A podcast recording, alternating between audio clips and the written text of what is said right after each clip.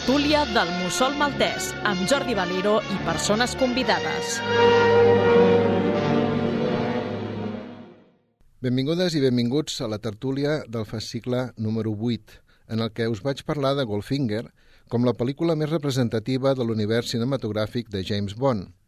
I en la tertúlia d'avui aprofundirem sobre els motius pels quals és així considerada i ho extrapolarem a la resta de pel·lícules. Per parlar d'això, avui ens acompanya la Dolors Serra. Hola, Dolors, benvinguda.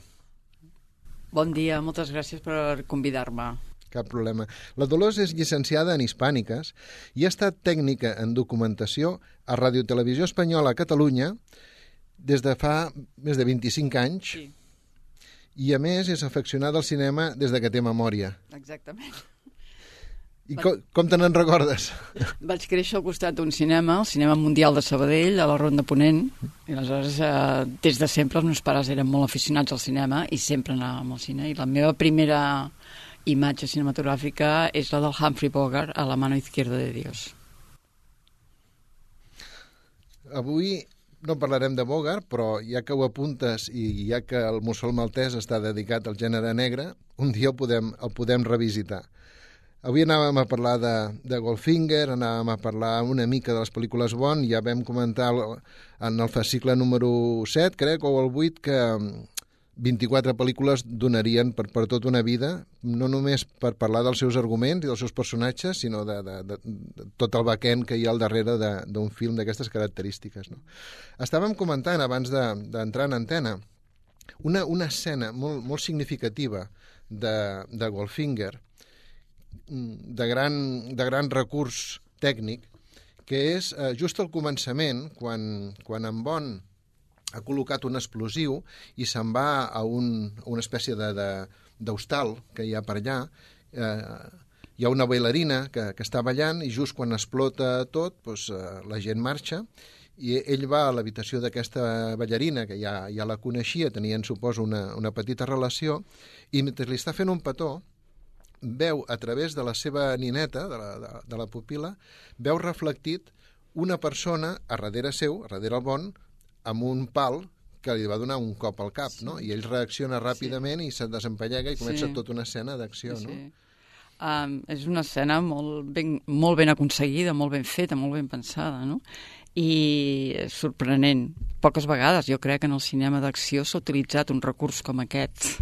Jo, jo no el recordo d'haver vist mai enlloc. No, jo l'únic ref, o sigui, reflexe així, d'imatge que recordo és uh, Ben-Hur, a la crucifixió quan es veu eh, Jesucrist crucificat reflectit per un llamp en en un vessal. És eh, l'única escena que recordo una mica similar a aquesta. Però sí, és, per començar, és una escena que sorprèn i, i enganxa a l'espectador, no? Sí, i, i més en aquella època que, que tampoc la, amb aquest tipus de pel·lícules no premiaven els recursos tècnics, no. que anaven a buscar era la, la simplicitat de l'acció, bàsicament, sí, sí, no? Sí, sí, cops de puny i, i, i s'ha acabat. sí, sí. Però, a més, una escena que també eh, és interessant perquè dona peu a crear una nova moda eh, de vestir en els homes. Fins aleshores els smokings eren negres i el Bon posa de moda l'esmoking d'americana blanca i pantaló negre, no? Vull dir que fins i tot eh, com a creador de moda eh, bon I marca pautes. També, també ho fa amb el quan es vesteix a la, a la piscina. Exactament, amb aquella mena de, de mono curt, de, de, de rus, Pantaló no? curt. Uh, que va estar de moda en aquella, aquella temporada a l'estiu, es va vendre com a, que bunyols, vull dir, sí, sí. Jo, jo el, el, el recordo, aquest tipus de roba, i era això era molt agradable perquè el ser de rus, ser de tovallola, sí. gairebé doncs, ja t'aixugaves, no?, amb el, amb el simple fet de, sí. de posar-te'l. Sí, sí. Clar, Bon, per exemple, és molt, molt asidu a, als bernussos crec que quasi bé en totes les pel·lícules deu sortir amb un bernús en un Una moment tovallola o un, un bernús, sempre. Sempre. sí, sí. Un moment o altre sempre s'està banyant i si no, està a l'habitació perquè també és, és el seu segon lloc d'acció. Exacte. Eh? És una acció sí. diferent, una acció... Més relaxada. Més relaxada, o no. O no. O no, depèn dels esforços físics que suposi, però, però sí. evidentment és una relació amb noies.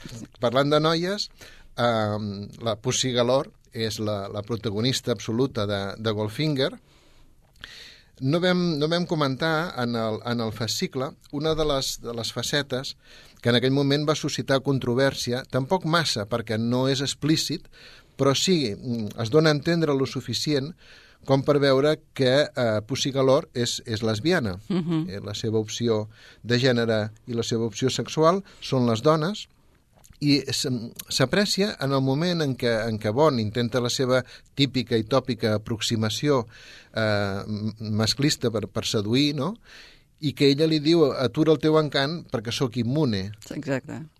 Sí, sí. Uh, bé, uh, no podia ser molt directa la declaració perquè estem a l'any 64 i això no, no se'n parlava. No. Ara, ara tot just se'n parla. Exacte.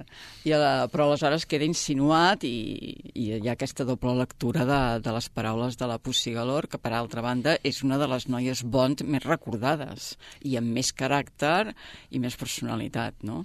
De fet, el, el, hi ha aquell autor eh, no recordo no recordo el nom ara, ah, sí, l'Anthony Horowitz, Uh -huh. Que, que ha continuat, ha continuat um, bueno, és, és un dels, dels més que fan pastitxes bon per encàrrec de, de l'editorial i va fer mm, el 2014 o 2015 no va fer una, una continuació de Goldfinger ni, ni una, bueno, quasi una seqüela en la que en la que torna a agafar el personatge de la, de, de la Pussy Galore perquè mm, deia que considera que és el personatge femení més potent de tota la filmografia Bond. Segurament, segurament. Per altra banda, també hi ha un personatge que té uns certs trets eh, lèsbics eh, des de Rússia con amor, que és el de la Rosa Klepp, el de la dolenta, Mm? Que s'insinua molt lleument quan parla amb la Tatiana Romanova per dir-li la, la missió que li encarrega, no? Sí, sembla que, a més de ser la seva subordinada, Sí, és una, una mica, mica- també la seva pupila, però, però Sí. una, anant una mica el més seu enllà. objecte de, de desig, diguem-ne, no? Sí, sí. El, el, tornant amb el tema aquest de, de la Pussy Galore, el, el, el Ian Fleming, no sé si, si empenedit d'haver d'haver creat aquest personatge amb aquesta, amb aquesta característica o, o simplement per, per, bueno, per posar-hi més, més, més llenya al foc, que a vegades aquestes coses funcionen, va escriure una carta que es va subestar a Bonhams el 2015, tinc aquí apuntat, per 3.250 lliures, una carta personal, manuscrita, manuscrita, que l'envia a un tal doctor Gibson, que uh -huh. és un fan de, de Bond, perquè aquest d'alguna manera li, li ha recriminat al final eh, una mica empalagós de, de la pel·lícula. No?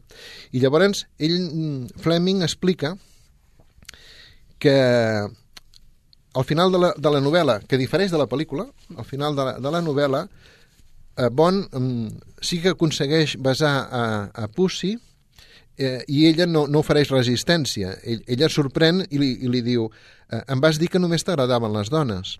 I ella respon mai havia conegut un home de veritat.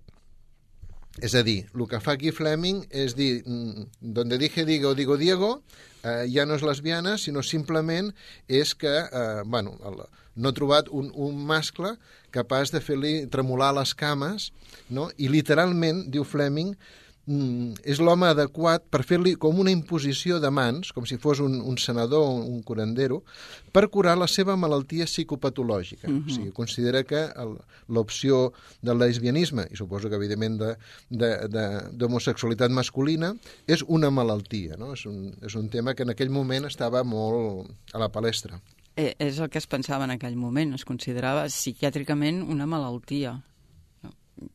Vull dir, bon, eh, se l'ha de llegir en el context històric en el que està escrit. No, no, no ho podem veure des d'una perspectiva del segle XXI.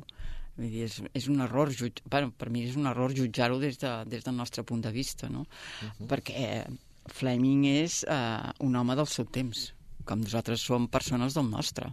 Dir, si és que és així. Això en la tertúlia anterior que, que vam estar parlant amb la gent d'Arxivo 007, que uh -huh. és la web mm, més, eh, més ben informada i, i amb, amb més àmplia documentació de bon, una gent que porten fent podcast, eh, em sembla que vam estar parlant, no sé si portaven 17 anys fent podcast, és a dir, quan encara no, no, no se sabia que existirien els podcasts, no? Mm. Ells hi en feien i els estan fent ininterrompidament des de llavors. Doncs el que vam fer va estar mm, comentar precisament això que deies ara, no?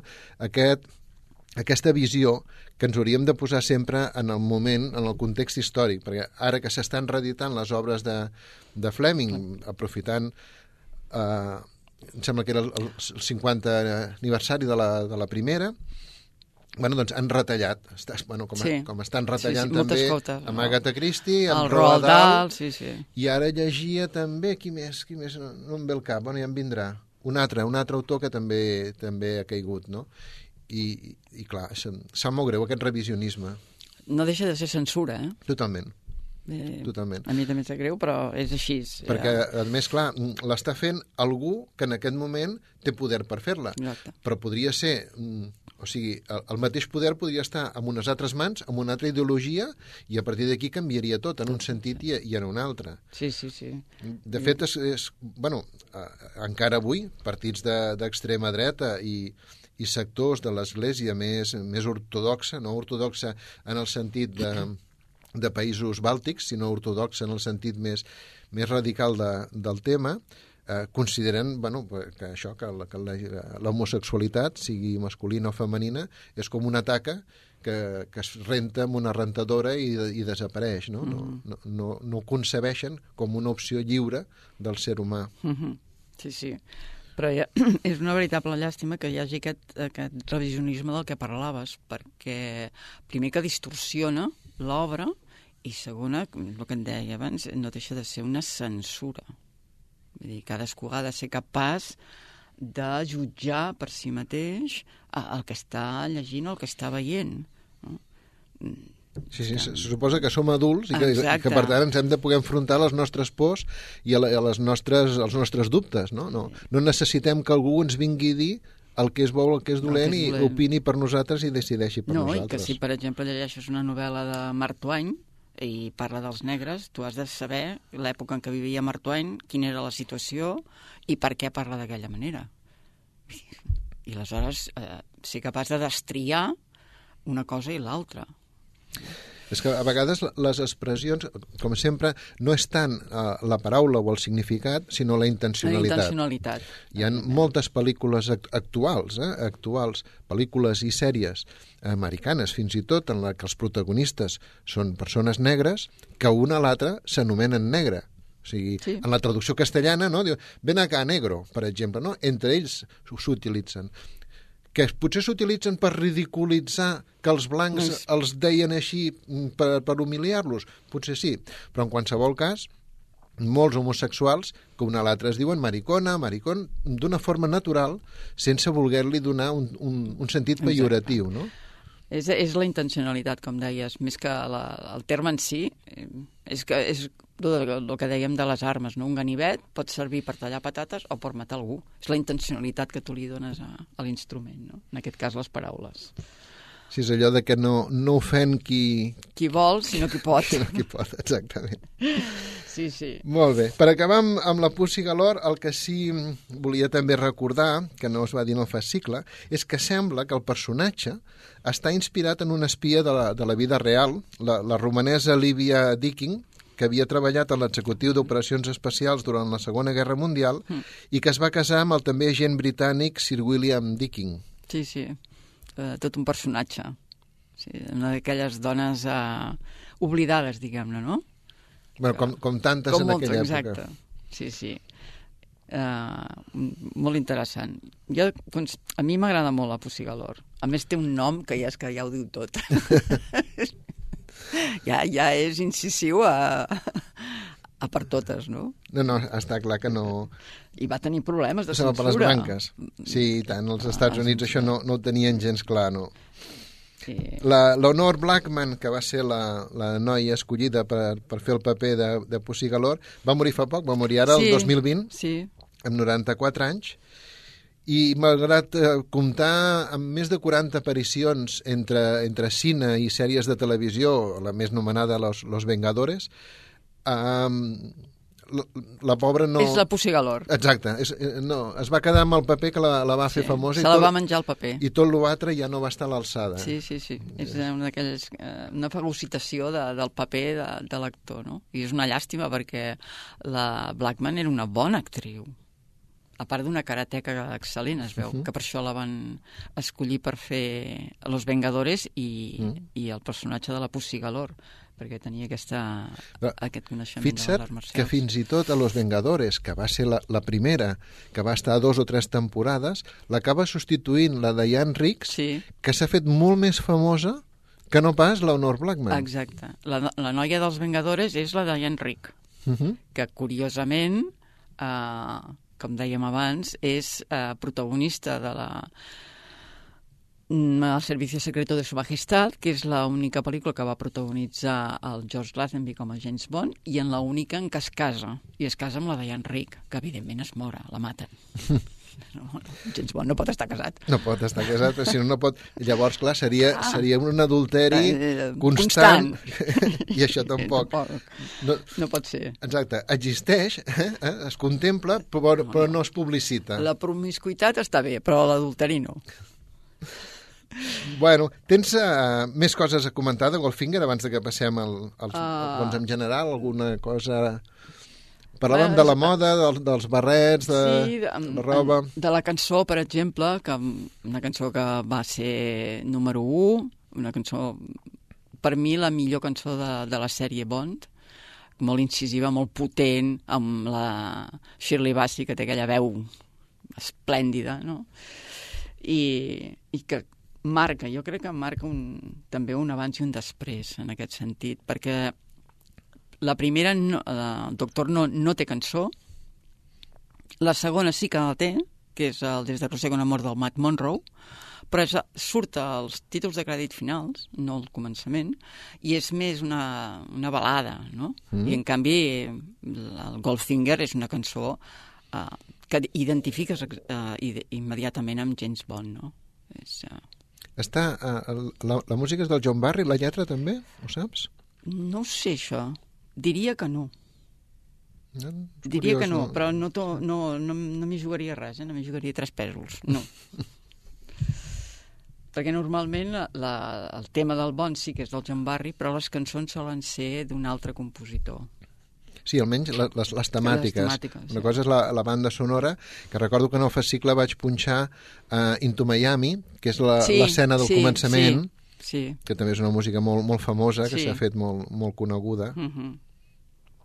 és, és, és curiós perquè el, um, en aquesta pel·lícula uh, sents la, la banda sonora, sents certes uh, melodies i de seguida les lligues amb, amb Goldfinger, no?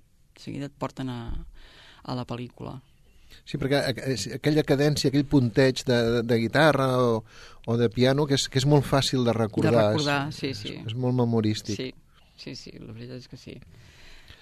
Havíem comentat també el fet de que el, el Goldfinger, el, el personatge, Sí, el Goldfinger, que, que sembla que, que el Fleming li va agafar el cognom a un arquitecte hongarès que, que li va caure malament perquè construïa no d'acord als seus gustos. També és un personatge molt potent i molt, molt rellevant. sí, és un dels dolents eh, Per excel·lència, sèrie no? per excel·lència, sí, sí. I eh, bé, eh, jo crec que a part d'això hi ha de, de que li va prendre el nom per fer-li la guitza, suposo, a l'arquitecte aquest mm, perquè els gustos del senyor Fleming devien ser molt tradicionals i el, el Goldfinger era un arquitecte modern, no? feia edificis moderns. Uh, també, segons la revista Forbes i el New York Times, el personatge està basat en un magnat americà. Uh, Gerhardt, em sembla que es deia, era el fill d'un empresari que treballava en mines i miner... metalls, etc. No? I ell va estar vinculat a, al JFK, el, el senyor aquest, però suposo que no devia ser tan dolent com el Goldfinger, no? Simplement va agafar el prototip d'empresari. bueno, ja sabem que els empresaris americans d'aquella època tampoc és que fossin massa honestos No, per aixecar els imperis que Els empresaris, que ni, ni a aquella època, ni aquesta, ni, ni a cap, em sembla. no, no, això és... I com a curiositat, que ho hem comentat abans, la noia que fa de la germana de la Jill Masterson, la Till Masterson, Mm. La Jill és la, la daurada, la noia daurada, que és la, la imatge icònica Sí. del James Bond. Vull dir, tu poses Sí. aquella noia i tothom sap que és, la, una Que és de James Bond. que és James Bond.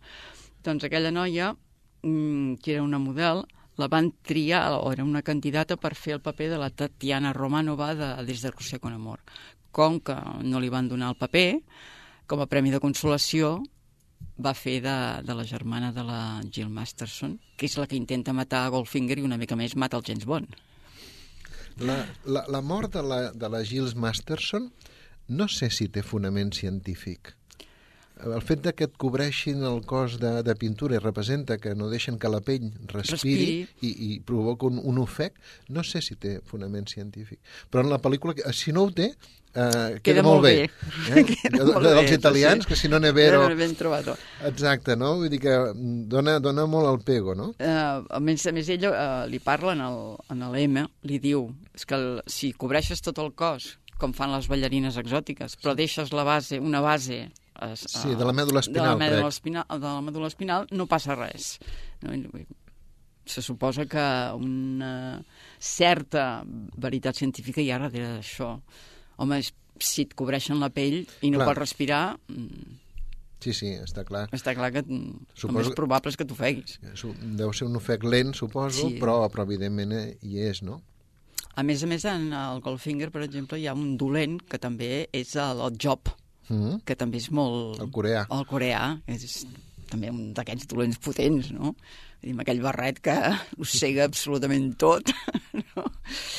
També és un... Que, per cert, eh, vaig, eh, vaig llegir que mentre estaven rodant l'escena de la mort del el Job, Sí? d'ell, es va cremar de veritat. Ah, sí? Sí, sí, sí. Que mor electrocutat. Uh, sí, exacte. Doncs es va cremar de veritat, eh, però ell va aguantar fins que el director va dir, el Guy Hamilton va dir, tallem. Ostres. Sí, sí, sí. Es veu que era un professional i el Ga Hamilton el defineix com, un, com una persona encantadora, a charming man, no? Sí, sí. Saps més pel·lícules eh, que hagi fet? No, la veritat és que no.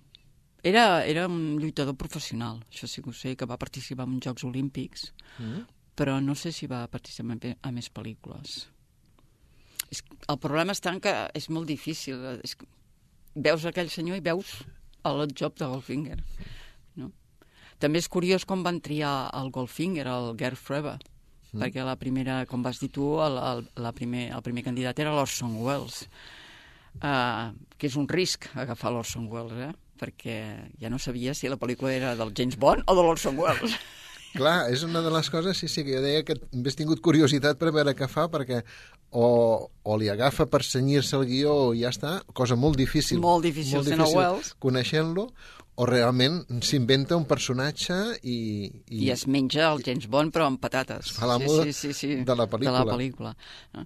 I el Frebe el van, el van escollir arrel d'haver vist una, una pel·lícula, curiosament una producció hispano-suïssa-alemanya, que es deia El Cebo, dirigida per Laszlo Bartha. El mal cebos és boníssima. Doncs ell fa de, de dolent. És el, el, Ell és el- el pederasta que mata les Sí? nenes. Sí. Ostres, El pues no fa pas massa que la vaig veure. És una molt bona pel·lícula. És molt bona pel·lícula, és en blanc i negre. Sí, i és, anys eh, 50. Rodada aquí. Sí, sí.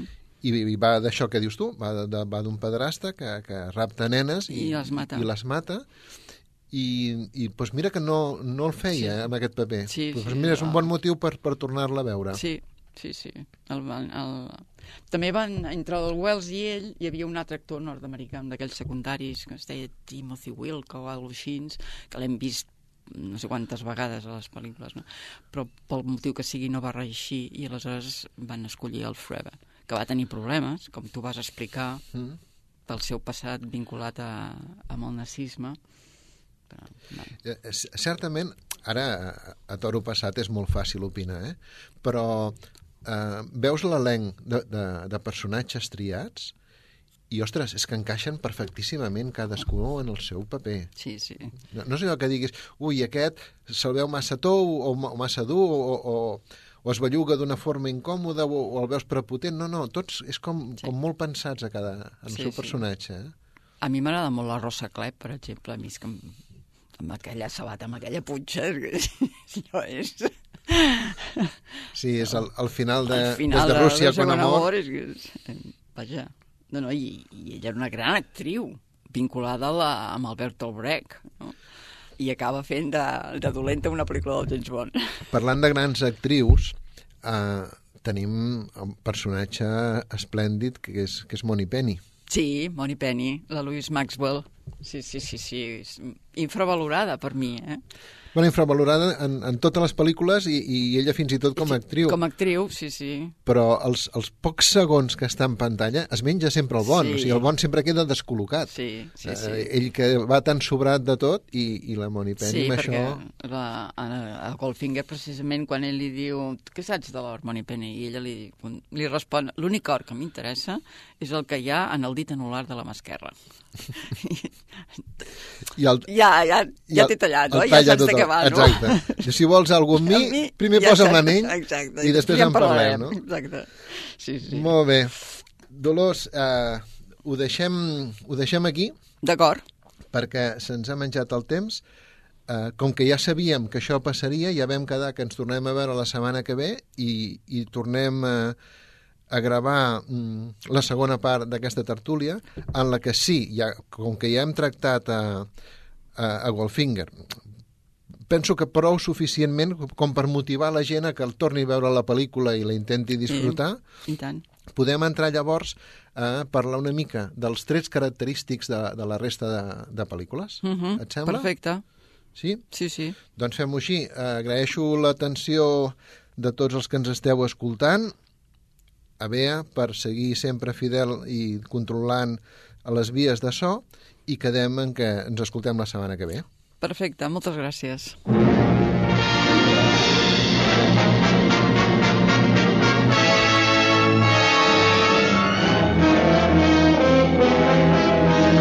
Acabeu d'escoltar la tertúlia del Mussol Maltès. Per estar al dia dels fascicles i les tertúlies, sintonitzeu-nos cada dimecres a dos quarts de nou del vespre.